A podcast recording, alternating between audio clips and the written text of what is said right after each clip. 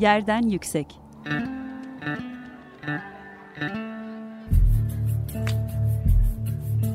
Çocukların mekan algısı ve mekansal hakları. Hazırlayan ve sunan Gizem Kıykı.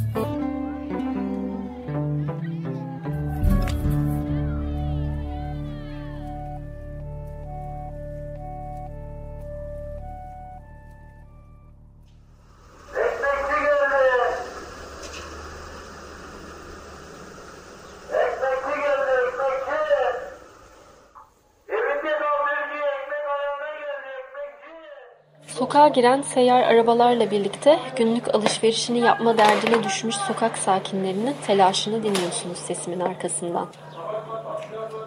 Evet, cadde, domatesler, patlıcan var, limon var, biber var. 94.9 Açık Radyo burası. Yerden yüksektesiniz. Ben Gizem Kıygı.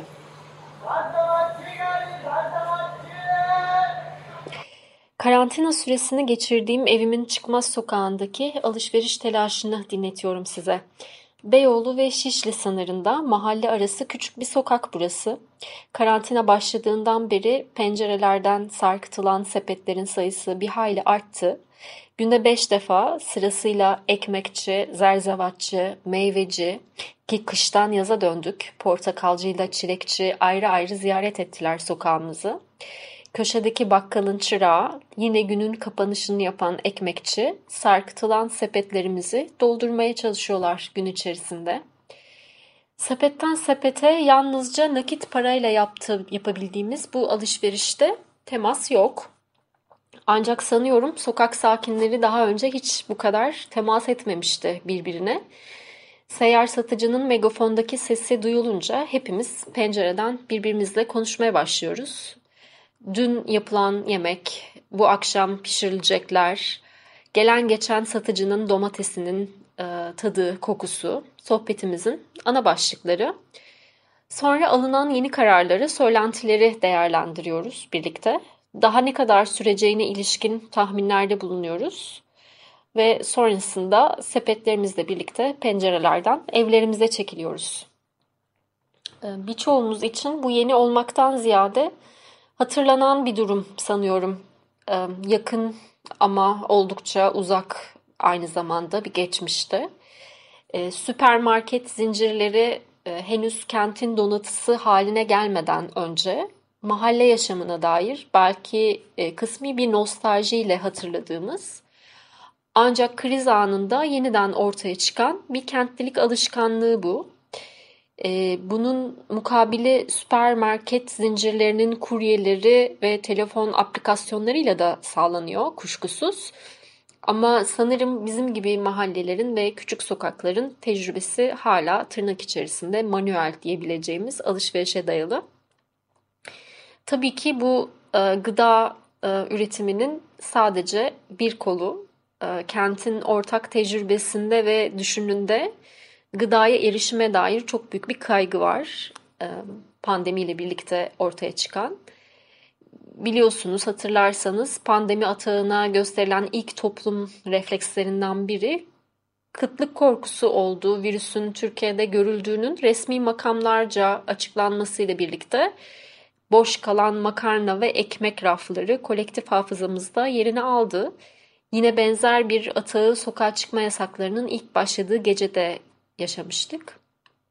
E, bu kriz anı içinde normalleştikçe, e, yeni normalimiz içerisinde yaşamaya e, çalıştıkça e, düşünmeye de başlıyoruz yeni olanakları. E, biraz sorgulamaya da başlıyoruz galiba. Yemeğimizi topraktan tabağımıza ulaştıran büyük üretim zincirinin e, belki de e, ara halkalarından biri e, bu seyyar satıcıların seyyar satıcılar. E, ancak bu halkaların diğer taraflarına ilişkin de çok fazla sorgulama halinde olduğumuzu görüyorum. Hem sosyal medya e, kanallarından hem başka yerlerden. Bu üretim zincirinin halkalarına dair çok ciddi sorular soruyoruz hepimiz.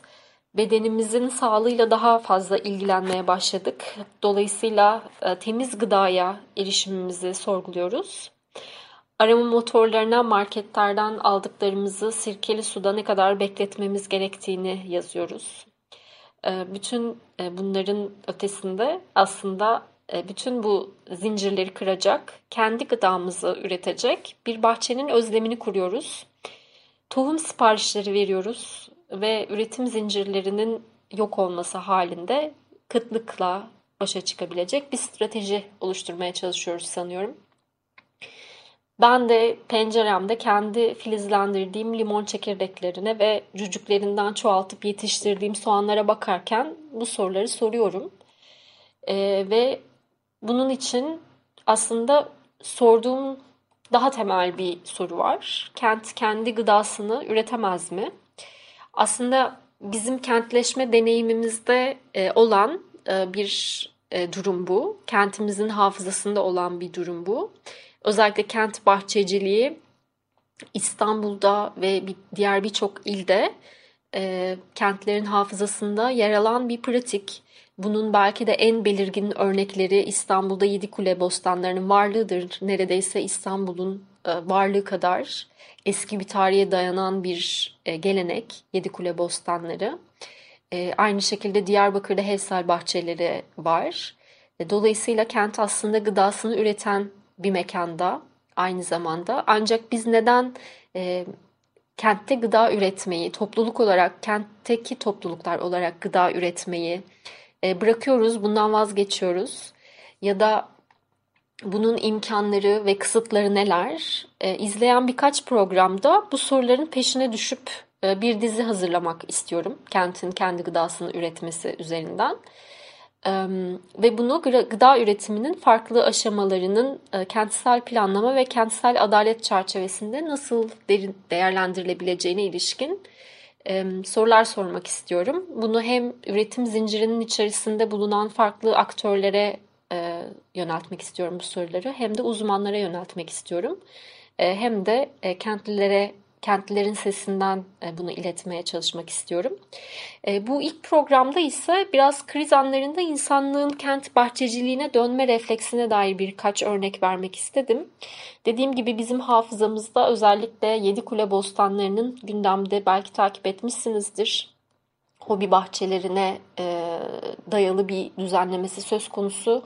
Dolayısıyla yeniden bir projelendirme ve alanın bozulmasına ilişkin bir e, yapılanma var.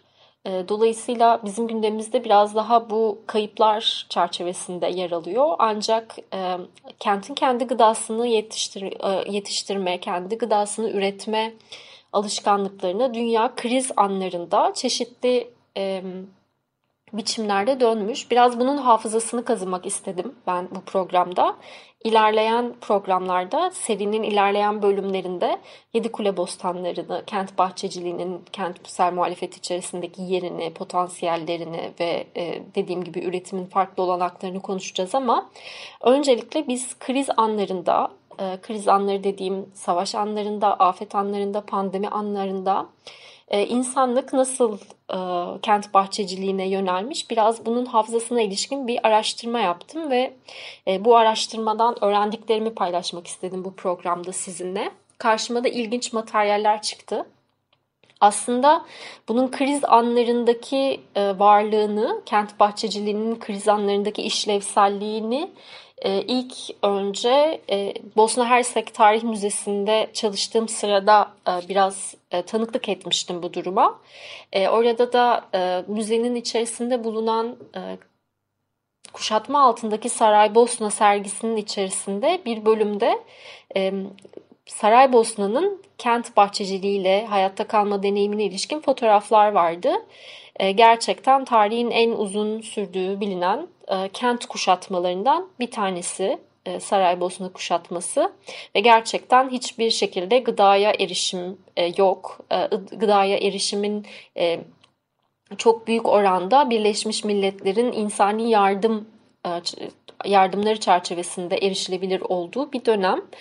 E, ve bu dönemde insanlar kıtlıkla başa çıkabilmek için e, kendi gıdalarını e, işte oradaki sniperlardan e, saklanabilen boş alanlarda, kendi evlerinin balkonlarında, kendi evlerinin içerisindeki alanlarda bir şekilde bahçecilik yaparak kendi gıdalarını üretmek üzerine bir pratik gerçekleştiriyorlar. E, ve çok kısa bir sürede e, tırnak içerisinde bestseller olan bir e, savaş mutfağı tarifleri e, diye bir kitap ortaya çıkıyor. Ve burada gerçekten işte belirli malzemeler olmadan savaş koşullarında e, elinizde olan materyallerle ne kadar yemek yapabilirsiniz, hangi yemekle yapabilirsiniz bunun e, buna dair bir yayın oluşturuluyor. Buna dair bir e, bilgi birikimi oluşturuluyor kentin içerisinde. Benim şaşkınlığım ise şu olmuştu. Serginin küratörü de bu savaş çocuklarından bir tanesi ve e, çok uzun bir süre e, büyük annesinin savaşın bittiğine inanmamasını e, kendi yetiştirdikleri kendi kent bahçelerini sökmemesinden e, temellendirmişti. Bu bana ilginç geldi. Yani neden bu savaşa dair bir pratik olmak durumunda, neden savaş bittiğinde e, biz kent bahçeleri e, pratiğinden vazgeçmeli ve sökmeliyiz e, diye sorgulamıştım o zaman. Onun da çok böyle doyurucu ve üzerine düşündüğü bir cevap olduğunu hatırlamıyorum. Sadece refleksif olarak savaş bitti ve artık hani bu um, gıdayı üretmeye burada gerek yok gibi bir e, durum olmuş olmuş sanıyorum. Ancak sonrasında e, özellikle e, kent bahçeciliği ve kentsel planlama e, alanında yapılan e, akademik makalelerde Saraybosna'yı konu alan, kent hafızasını konu alan ve bir kent savaşında kentin kendi dayanışma pratikleriyle e, direncini konu alan akademik çalışmalarda bu bahçelerin ve bu gıda üretiminin önemli bir yere sahip olduğunu gördüm. Aynı zamanda savaş zamanında Gıda üretimini, gıda üretimi pratiği yalnızca Saraybosna kuşatmasına ait bir e, durum değil. Birinci ve ikinci Dünya Savaşı'nda bir e, devlet politikası olarak aslında e, Victory Gardens e, ve Liberty Gardens olarak e, kodlanan, e, adlandırılan e, bir savaş bahçeleri e, bir savunma için gıda üretimi üzerine bir e, kent bahçeciliği pratiği geliştiriliyor. Amerika Birleşik Devletleri'nde, İngiltere'de, Kanada'da, Avustralya'da ve Almanya'da. E, Kanada'da 1917'de Tarım Bakanlığı'nın kampanyası her eve bir sebze bahçesi e, olarak ortaya çıkıyor. Bu planlama dahilinde yapılmış okullarda bahçecilik uzmanlarının getirildiği, insanların eğitildiği, propaganda posterlerinin hazırlandığı, reklam filmlerinin hazırlandığı bir e, durum aslında. E, ve bu propaganda metinlerinde çok ilginç bir şekilde gıda üretiminin e, savaş materyali üretimi, silah üretimi kadar önemli bir e, üretim olduğunu, zaferin buna bağlı olduğunu e, belirtiyor. E, bakanlıklar ve propaganda yapan devlet kurumları. E, bunu şu yüzden e, hatırladım ve hatırlatmak e, da böyle bir programda konu etmek ilginç oldu. Çünkü pandemi süresince Washington Post başta olmak üzere birçok aslında basın kuruluşunun pandemi zamanında gıda üretiminin, kent bahçeciliğinin yapılmasına modern zamanın e, Victory Garden'ları olarak adlandırarak haberlerinde servis etmeleri, bu hafızayı geri çağırmaları beni e, tetikledi. Çünkü gene evet bir kriz anında ve gene bir hayatta kalma stratejisi olarak gıda yetiştirmenin farklı biçimlerde tabii ki ortaya çıktığı bir durum söz konusu. Ancak tabii ki şimdi pandemi koşullarında bu bir e, savunma stratejisi değil, bu bir e, askeri e, dayatma değil ya da e, bir kamu politikası yani devlet politikası olarak karşımıza gelmiyor. Daha çok biz bunu krizden önce de e, kent bahçeciliğini biraz daha e, hem ekolojik yaşam tartışmaları içerisinde biraz da görüyorduk. Ancak biraz da sanıyorum e, bunun oluşturulması ya da tasarımına ilişkin e, tartışmalar biraz daha sınıfsal bir temelde e, kentte yerini alıyordu. Ancak böyle bir durumda e, bir neredeyse bir kalkınma e, propagandası gibi e, lanse ediliyor olması bu posterlerde vesaire ilginç geldi. E, şimdi size İkinci Dünya Savaşı'nda İngiltere'de e, başlayan e, Dig for Victory isimli bir e, propaganda reklamından bir parça dinleteceğim.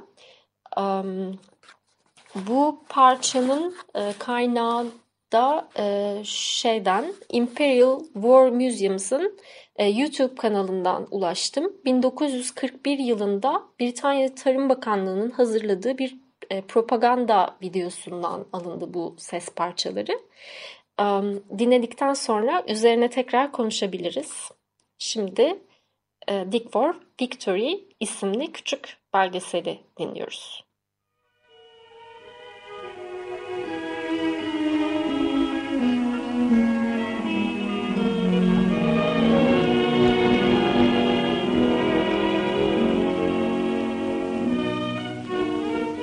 Do you like standing in a queue for your vegetables, or do you think it's tiring and a waste of valuable time?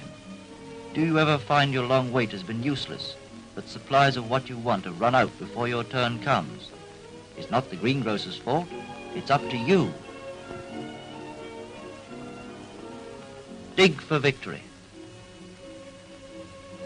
Thousands of people have discovered that a 10-rod plot will keep a family of five in vegetables eight months of the year. Young men are doing it. These London AFS men are filling in their waiting periods like this. And young women, these girls are using part of their lunch hour to work on plots in their own factory grounds. Old men, even at 83. And children, growing food is part of their school routine nowadays. For they know that food is just as important a weapon of war as guns. Have you joined the ranks of this great new army that's helping to win the war by helping themselves to good food? You may not be lucky enough to own an ideal kitchen garden like this, but the flower garden will grow beetroot just as well as begonias. And it's more fashionable too nowadays. There may be room for vegetables on top of your Anderson shelter, or in the backyard, or even on that flat bit of roof. Even the asphalt playground of a bombed out school has been turned into a flourishing allotment. So you see, you can nearly always find somewhere to dig. You know, it only takes an hour or two a week to keep a 10-rod plot cultivated, and you can all lend a hand, women and children too. Perhaps you're only making excuses. Perhaps the real trouble is you think gardening's a bore. We're going to watch an old hand for a few minutes, and if you get any pleasure out of watching his skill, you'll get a lot more in learning how to do a good job yourself.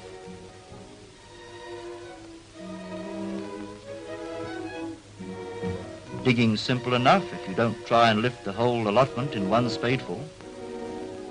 Cut off just as much as your spade will lift. Drive the spade in with your foot. Then over it goes just where you want it. And for goodness sake, keep your spade clean. Follow these tips and choose your company and you'll find that digging can be good fun. 94.9 Açık Radyo burası Yerden Yüksek programındasınız. Ben Gizem Kıygı. Kriz zamanlarında kentin gıda üretimini ve kent bahçeciliğini konuşuyoruz bu programda. Ee, az önce dinlediğinizde e, Imperial War Museums'ın e, YouTube kanalında bulunan 1941 yılında Britanya Tarım Bakanlığı'nın hazırladığı propaganda e, reklamından bir parçaydı.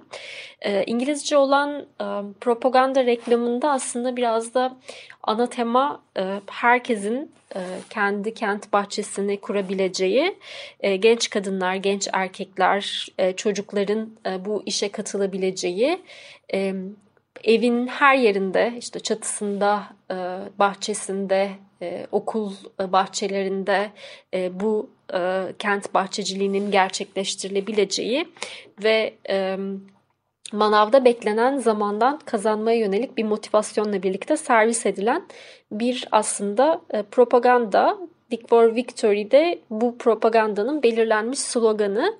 İlginç olan e, bu genç kadınlar, genç erkekler ve çocuklardan bahsettiği sırada hepsi gıda yetiştirmenin savaş silahı kadar önemli olduğunu biliyorlar e, cümlesini e, geçiriyorlar bu propaganda reklamının içerisinde. Dediğim gibi Imperial War e, Museums'ın YouTube sayfasında bunun daha uzun versiyonunu ayrıca görüntülü versiyonunu bulup izleyebilirsiniz eğer dilerseniz. E, gıda bahçeciliğinden, e, kent bahçeciliğinden geldik buraya. Neden kriz anlarında um, kent bahçeciliğine yöneliyoruz ve neden kriz anlarından çıktıktan sonra kent bahçeciliğinden e, çekiliyoruz, vazgeçiliyoruzu e, biraz e, konuşmaya. Bunu da e, tarihten ve arşivden e, bulduğum örneklerle birazcık tartışmaya açmaya çalışıyorum bu programda. E, bunu da yapma nedenim e, son dönemde özellikle e, Washington Post gibi e, önde gelen yabancı kaynakların, gazetelerin, basın kuruluşlarının kent bahçeciliğini bu zamanda üretilen Birinci Dünya ve Birinci, Birinci Dünya Savaşı ve İkinci Dünya Savaşı sırasında üretilen bu söylemin, bu kampanyaların diline gönderme yaparak modern zaman Victory Garden'larını kurmanın zamanı e, gibi göndermeler yaparak bu hafızayı geri çağırarak haberlerinde servis ediyor olmalarıydı. E, bunun altını kazıyınca da gerçekten bir kalkınma ve savaş politikası e, olarak kent bahçeciliğinin çok yaygın bir şekilde Amerika'da, İngiltere'de, Kanada'da, Avustralya'da ve Almanya'da uygulandığını görüyoruz. bu tabii ki bu kent bahçeciliğinden vazgeçmek denen şeyde gıda üretiminin çok büyük küresel e, zincirlere e, bağlanmasının çok büyük bir etkisi var. Burada bir e, paradigmasal dönüşümden de söz etmek gerekiyor. Belki ekonomik dönüşümden söz etmek gerekiyor. Yani biraz daha bütün devletlerin kendi kaynakları içerisinde bunu üretmeye meyilli olduğu, politikaların çok bazen rigid bir şekilde e, buna dayandırıldığı bir e, dönemden artık neoliberal politikaların gıda üretimini de gıda üretiminin kentlerdeki mekanlarında yeni yerlerini e, bulmasında etkilediği bir süreçten bahsediyoruz. Dolayısıyla bu bağlamsal değişim önemli ancak koronavirüs pandemi deneyimi de bir şekilde bu küresel akışın bilgi akışı haricinde özellikle mal akışının özellikle gıda üretiminde e, çalışacak Avrupa ülkelerinde bilhassa e, işçi akışının, e, göçmen akışının engellendiği bir süreç yaşıyoruz Dolayısıyla bütün e, ülkelerin kendi sınırları içerisinde bir şekilde çözüm önerilerini, çözüm e, yollarını üretmeye çalıştığı bir süreç içerisinde belki de bu referansa e, gitmesi basın kaynaklarının tesadüf değildir. Biraz programın bu kısmında sonuna doğru da yaklaşırken bu kent bahçeciliğinin savaş zamanlarında ya da kriz anlarında iyileştirici etkisinden de e, bahsetmek gerekir belki. E, nitekim yalnızca Birinci Dünya Savaşı'nda, İkinci Dünya Savaşı'nda ve programın ilk kısmında örneklediğim Saraybosna kuşatmasında e, gibi durumlarda değil, büyük buhran e, zamanında da e, kent bahçeciliği insanların kendi gıdalarını üretmeleri ve bundan aslında bir kıtlıktan çıkıyor olmaları aynı zamanda bir dayanışma pratiği ve mahallelik üzerinden bir birliktelik ve komünite olma, topluluk olma halini deneyimledikleri bir pratik olarak değerlendiriliyor akademik çalışmalarda özellikle. Bunun dışında ee, Yeni Zelanda'da 2010 ve 2011 yıllarında gerçekleşen e, büyük depremler sonrasında da kent bahçeciliğinin hem e, kriz anında e, gıdaya erişimin, gıdanın depremzedelere dağıtımının kent bahçeciliğinin bu anlamda kolaylaştırıcı bir rolü olduğunu belirtiliyor akademik kaynaklarda yine. Ve bunun dışında da depremzedeler arasında iyileştirici bir etkisinin e, olduğu da e, belirtiliyor bu kaynaklarda. Gerçekten de bizde e, bir şekilde gündelik şu anda içinde geçtiğimiz durumda tartıştığımız halinde kent bahçeciliğini yalnızca bir kıtlığı önleme amacıyla ya da o perspektifte tartışmıyoruz.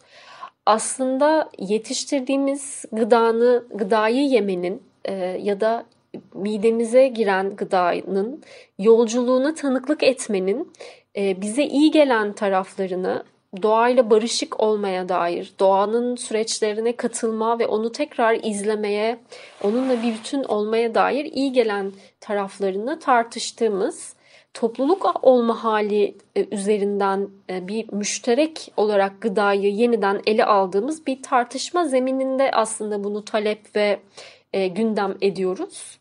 Bence o yüzden bir topluluk olma halini desteklemesi anlamında kent bahçeciliği deneyiminin yarattığı fırsatlar çok önemli ve çok e, tartışılması belki de üzerinde durulması, desteklenmesi e, gereken bir durum. Henüz bu e, bizim dönemimizde bir devlet politikası haline gelmese de belki de zaten topluluklar olarak bunu yapabiliyor olmanın, topluluk dayanışmasını güçlendiriyor olmanın burada bir kıymeti olabilir. Bu haftaki programımızın bu şekilde sonuna gelmiş olduk. Önümüzdeki haftalarda gıdanın yolculuğunu, kentin gıda üretme potansiyelini konuşmaya devam edeceğiz yerden yüksekte. Şimdilik hoşçakalın. 15 gün sonra görüşmek üzere.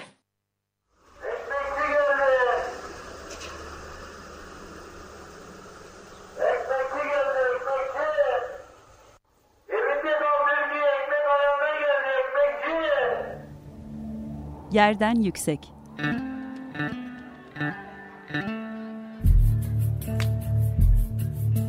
Çocukların mekan algısı ve mekansal hakları. Hazırlayan ve sunan Gizem Kıykı.